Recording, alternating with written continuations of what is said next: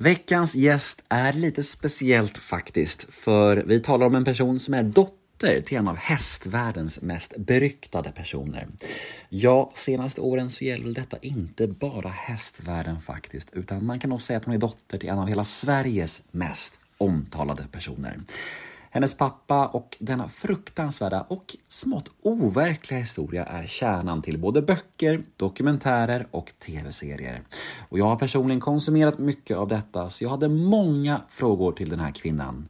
Ja, veckans gäst i Neo möter en vän avsnitt nummer 478 är startup-entreprenören, hästentusiasten och överlevaren Sofie Jan. Detta är en teaser på mitt snack med Sofie och vill ni göra hela episoden så finns den exklusivt och reklamfritt hos Podme. Antingen via appen eller hemsidan. Och ni kan ju som sagt testa Podme helt gratis i 14 dagar. Utan bindningstid och utan uppsägningstid. Och sen helt enkelt avgöra efter de här 14 gratisdagarna om ni vill fortsätta eller inte. Så med det sagt så undrar jag såklart, vad väntar ni på egentligen? Jag heter Nemo Hedén på Instagram. Min mail är gmail.com om ni vill mig något, kanske önska en poddgäst eller vad som helst. Och den här podden klipps av Daniel Eggemannen Ekberg. Men nu ska jag inte babbla ner, nu kör vi igång avsnitt nummer 478 av Neo möter en vän. Och här kommer nu teasern med Sofie Jan och vill ni höra hela episoden, ja då är det ju Podmi som gäller. Men först av allt kör vi som vanligt en liten jingel.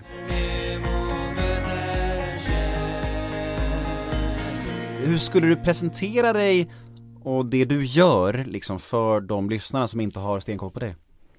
Ja, nu kör vi pitchen här då. Nu kör vi. Nej men väldigt bra fråga.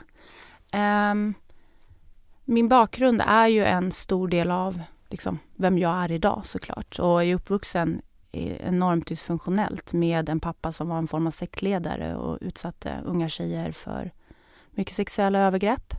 Men han var ju också en eh, liksom, hemsk pappa på många sätt och han psykiskt och fysiskt utsatte mig och mina syskon och mamma för tortyr och även djuren på våran gård. Och det här har någonstans blivit grunden till varför jag skrev en bok, den här dokumentären, men också serien.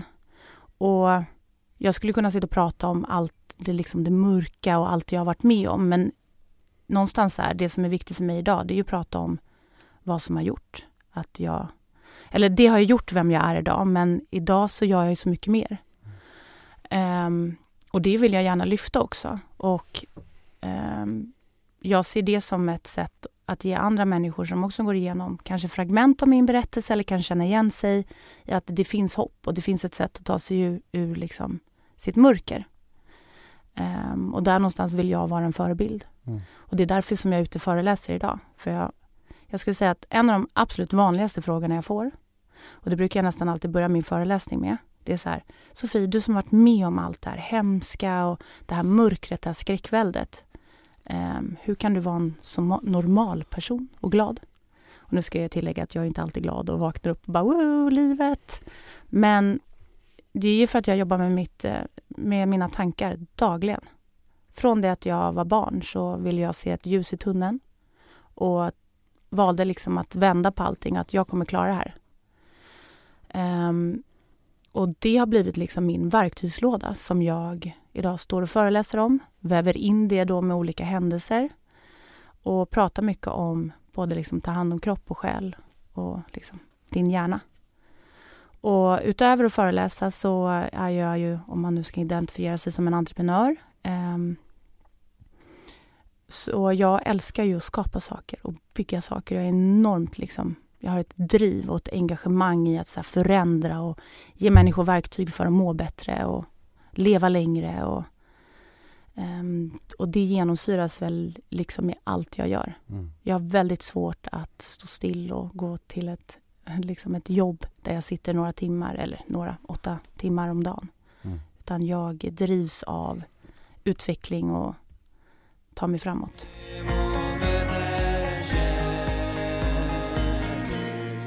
Ja, men där var ju teasern med Sofie Jan slut. Där var smakprovet över, men man blir så sugen på att höra mer, eller hur? Men vet ni vad? då har jag en lösning på det här problemet. Gå in på podme.com eller ladda ner podme appen för där finns fullängdaren av denna episod. Vi hörs på podme.